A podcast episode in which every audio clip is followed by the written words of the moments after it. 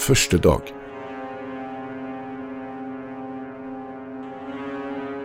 Da jeg var hjemme, røkte jeg cannabisolje med tobakk innpakket i spesialpapir og et håndlaget filter.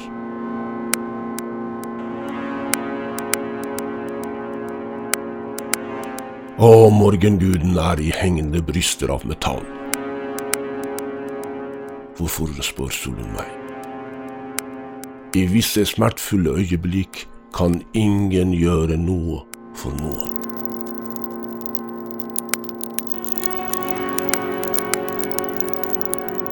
Jeg som bare var en mildt flamme og en jente som alltid spilte den håpefulle avantgarde-musikken inni meg. Jeg som var den myke stemmen i fotesporene til frelsesstatuen da en tam hest trakk sin penis ut av munnen til profeten Mohammed. Trekk ut begynnelsen på hvert vers i skriftene. Trekk ut sluttolkningen.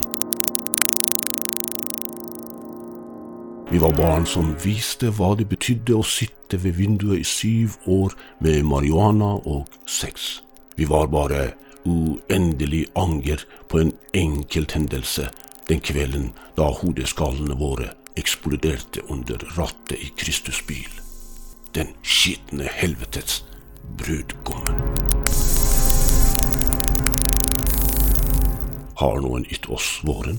Var årstidene tilgivelige eller oppnåelige? Vi løsnet knuter som blei løst for hånd med tennene. Vi var i en tilstand av obstruksjon. Smertene gjorde oss bare grusomme.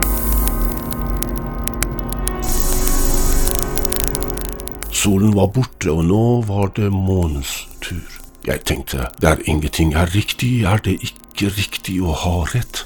Det var da blodet strømmet fra såret under hjertet mitt på ansiktet til en engel i et underjordisk diskotek.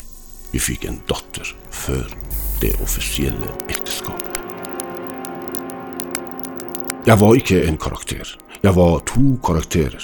Kanskje tre eller fire karakterer. Dette var ikke urettferdig. Jeg skrev med mer enn elleve karakterer da jeg røykte cannabisolje med tobakk innpakket i spesialpapir og håndlaget filter.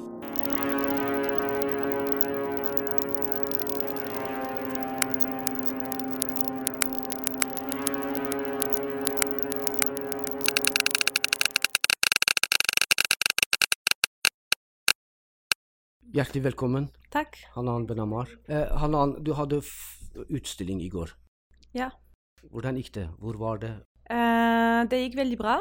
Um, uh, this is a, a, group exhibition together with uh, Andreas Haldoksenvad, Jan Christensen, Linda Bonan Engelbert, Birgitte Sigmundstad, Mathias Kanzler, and Anesh Eibaker.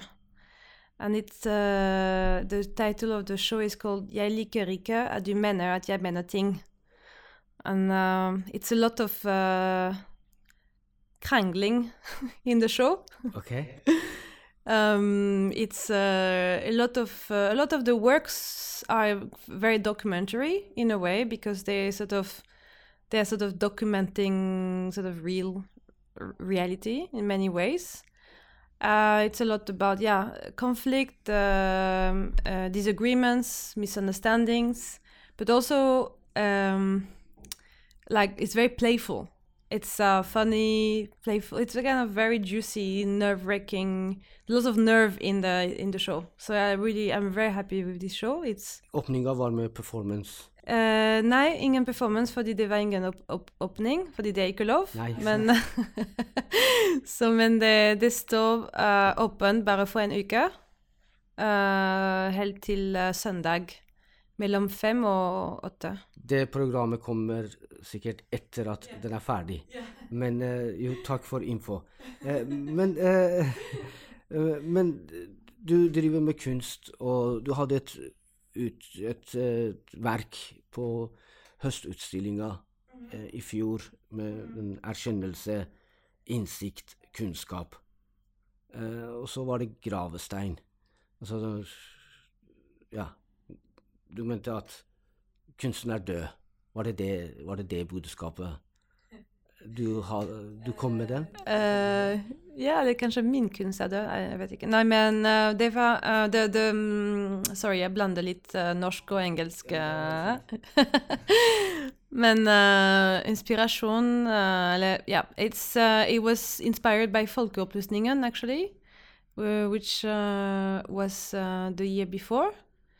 Where I had I had a I had a piece at Høstutstillingen in 2019, which was called Antiphony, which was a performance where people could, I mean, the audience could uh, uh, call a phone number and choose a choose a word, and then you will end up um, talking to someone. So it was like a, a answering machine with real people and open 24 hours and sometimes not answering and blah blah blah and then uh, there was this show on NRK. I mean, NRK, of course, we as we know, it doesn't is not interested. They're not interested in art. I kind of hate art in a way.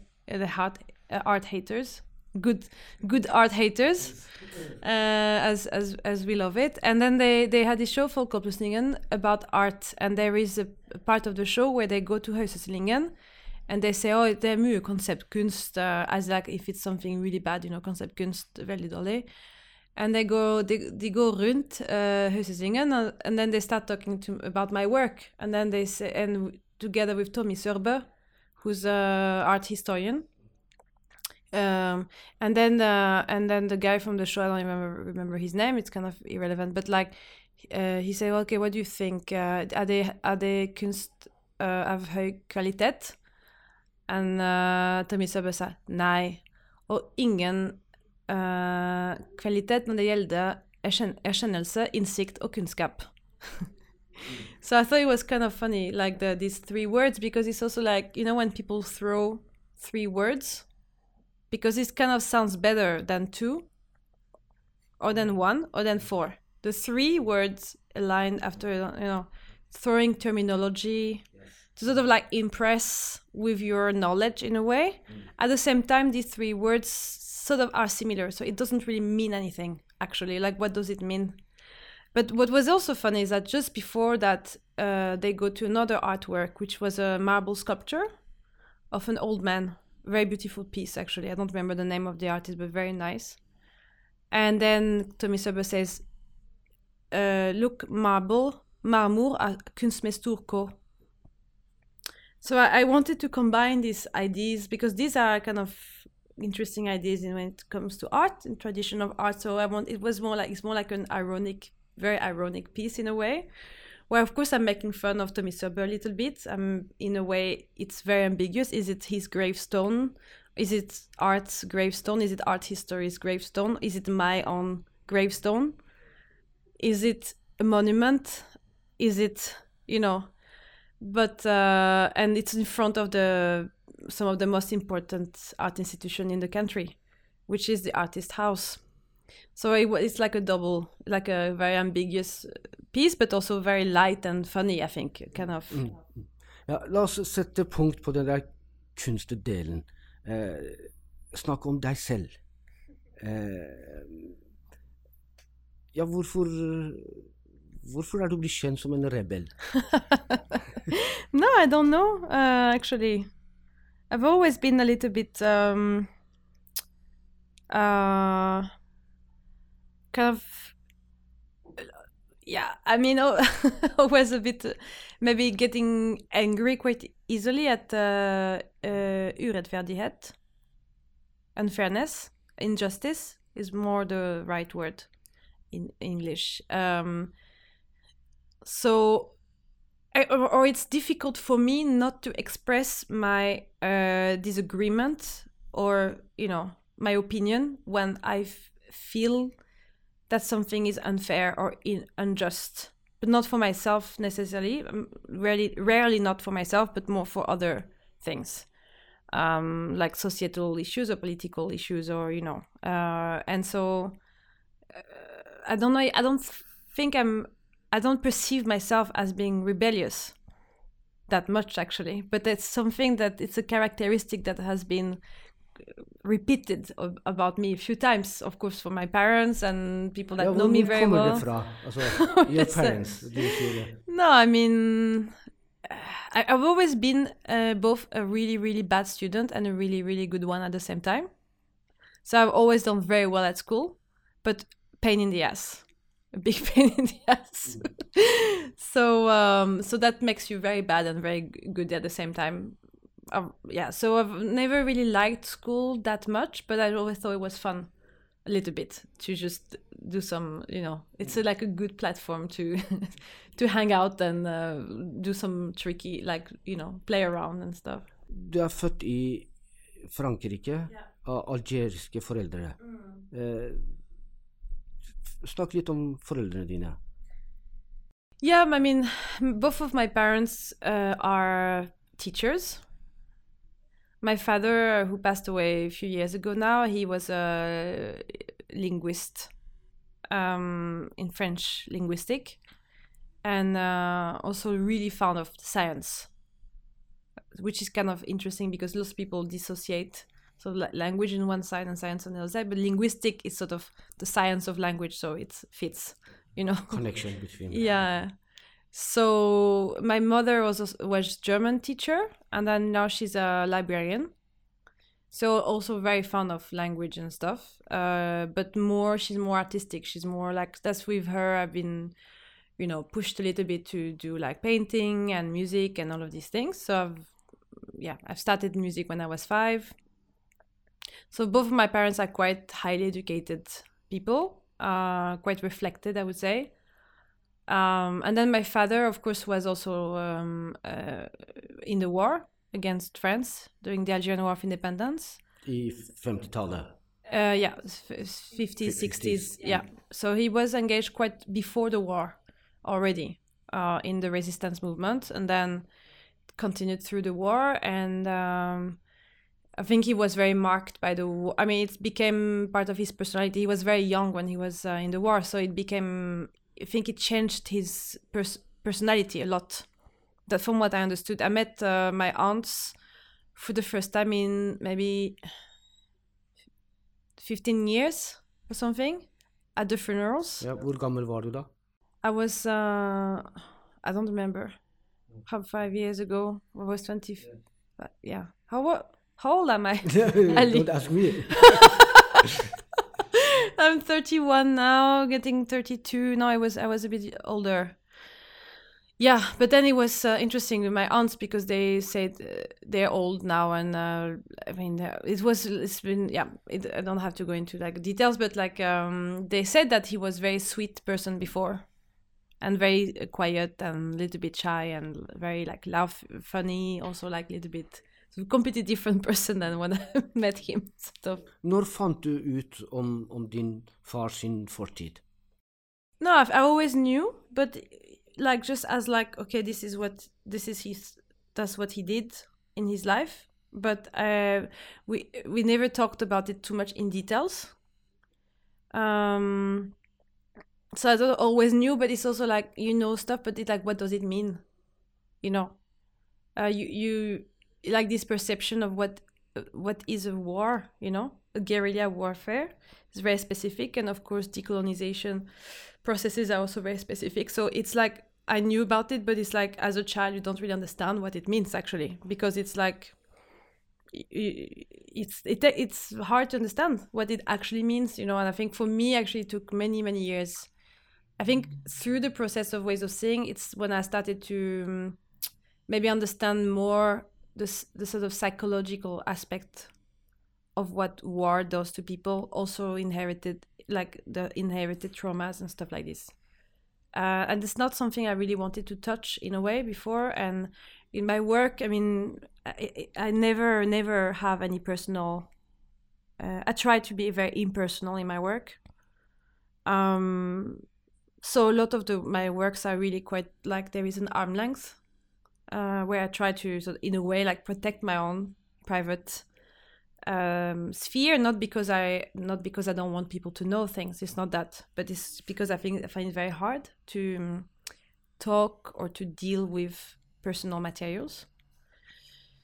Um and so after during the process of, of working on ways of seeing i had to and that's the reason I, I said yes to do the play also because i knew it would be very hard but i also knew it would be like necessary in a way at some point in my life and then it's maybe more interesting as a collective thing than just me going into that for what you know Altså, i den krigen faren din eh, var i, var det mot eh, franskmennene under kolonitida. Og gjennom jobbinga med Ways of Seeing, så på en måte gikk du gjennom eh, den, det som faren din hadde opplevd, på en måte med kolonialismen. Ja. Og, eh, og mener du at den, den samfunnet vi lever i, er en resultat av den kolonialismen? Og, og som du, som dattera til den faren som bekjempa mot kolonialismen, eh, så føler du at du må, du må følge opp? yeah it's not that i feel that i have to but it's like i um noticed that i didn't really have any choice it's just something that just i i mean also i think i'm very very similar to my father. Like that's just what people say like the people that knew my dad that we're quite similar. So i think it's uh i sort of understand he was very like um very difficult person very difficult character but we always had like a good a good relation i would say. Quite a very yeah very good relation because i could see through his bullshit very easily and he could also like he was like okay you know so we've been fighting a lot but also like okay let's stop now. Okay fine we stop. Because it's just like you know. So um and also very how to say uh sto? Têtu in french? Yeah, ja, stolt. like when you make up your mind on something and you don't want to give yeah, up? stolt. yeah like Yeah, yeah, we yeah. like with the Star, two star star, star, yeah, yeah yeah yeah. We're the worst people like and so we decide sometimes we will not talk for six months because i was like i'm not gonna call you again. And he's like i'm not gonna call you. I, I, yeah no i'm not gonna call i don't care i don't care. And then like one of us will like after six seven months you know give up. Uh so of course to go through this process after he passed away in a way was uh, both good and bad because i then i it's a lot of questions i didn't manage to ask before he died. But at the same time that the fact that he passed away helped me to like be like you know this is like a new like a new beginning also. And um uh yeah. So what was the question again? Nei, det mm, eh, Det var en connection mellom deg og faren din. yeah yeah the, and the continuation of the the struggle Ja, at det, yeah. der, det, det jeg skal komme fram, er at uh, det, det, din uh, Din uh, vilje til å kjempe mot urettferdigheten eh, og undertrykkelse, er det noe du har arva av faren din? Yeah, I think so. But also, I think a lot of people, you know, if you ha- if you are in a minority, if you are being put in a minority situation, which which means you will like experience, uh, maybe like a higher amount of injustice than people that are not in that group, that are in the majority group, let's say. And these are things that happen, you know. You're like in the majority group, and all of a sudden you're not anymore. You know, minor- minority. It's like these are things that change. It's about power. Uh, everything is is about that. No, like how much people abuse of their power all the time, and then you have like the different spectrums of it and so on. So it's like I just don't manage to shut up about stuff. I try sometimes to like be like, okay, I don't get involved in this. I'm not gonna, you know, I'm not gonna say anything this time. But I can't help it. and I think that I inherited from my dad that eh, like uh, lots of people said about him that sometimes he should just shut up so to not get in trouble. Uh, and I should probably do the same. And I've heard that also before that I should, you know, try to be careful. Sometimes just, you know, drop it. but I don't manage. And I, I mean, I'm, it's just it's part of my personality, but also I think it's uh, it's of of course interesting when you work with art. It's of course it's a tool for discussing, and it's it's a very democratic tool also, and raising your voice about things is part of that. So Du har sagt at kunsten din eh, på en måte ligger seg i grenseland mellom, mellom moral og etikk. in yeah, I think uh, for some of the works, it's. Uh, I think for me, I think these questions are very interesting with art because it's like, should art be moral or ethical? It's a very yeah, it should be. should it be? Yeah, no, it's very for me. It's a it's a question. I don't think, or I can just say that I don't think that should be that definition. I think a lot of uh, you have lots of examples of artworks that w- were immoral in art history, but are amazing and very inspi- inspirational. But like, but I think it's an interesting question. So I think one should not waste it. When you have an opportunity to discuss it, you should discuss it. You know.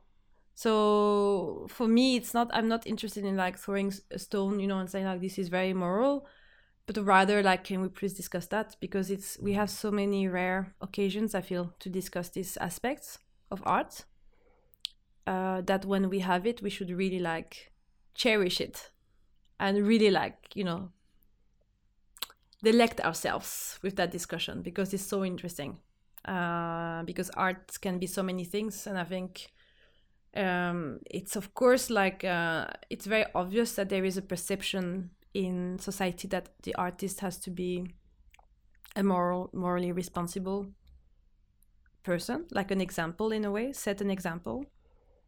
But i also see that there are problems with that kind of definition. And i think um i think it, when Men samt, samtidig du får beskjed fra styremakten at du må forsiktig yeah med, yeah yeah, yeah. lage hva slags kunst vi, vi, vi, vi lager. Yeah, yeah. I mean, we had ex- we have, as you know, experienced uh, together the with ways of seeing that. It's like, yeah, you have to be careful. You have to, but that, yeah, Så it's det, true det, that det, det hindrer eh, yeah, it's impossible to. I mean, with their definition of art, which is much more narrow than mine, it's kind of impossible. It would be impossible for me to be an artist, basically, because they're the the states and the governments. No, not the state, but the governments right now. This government's definition of art is basically it should be uh, decorative and cosmetic and entertain entertaining.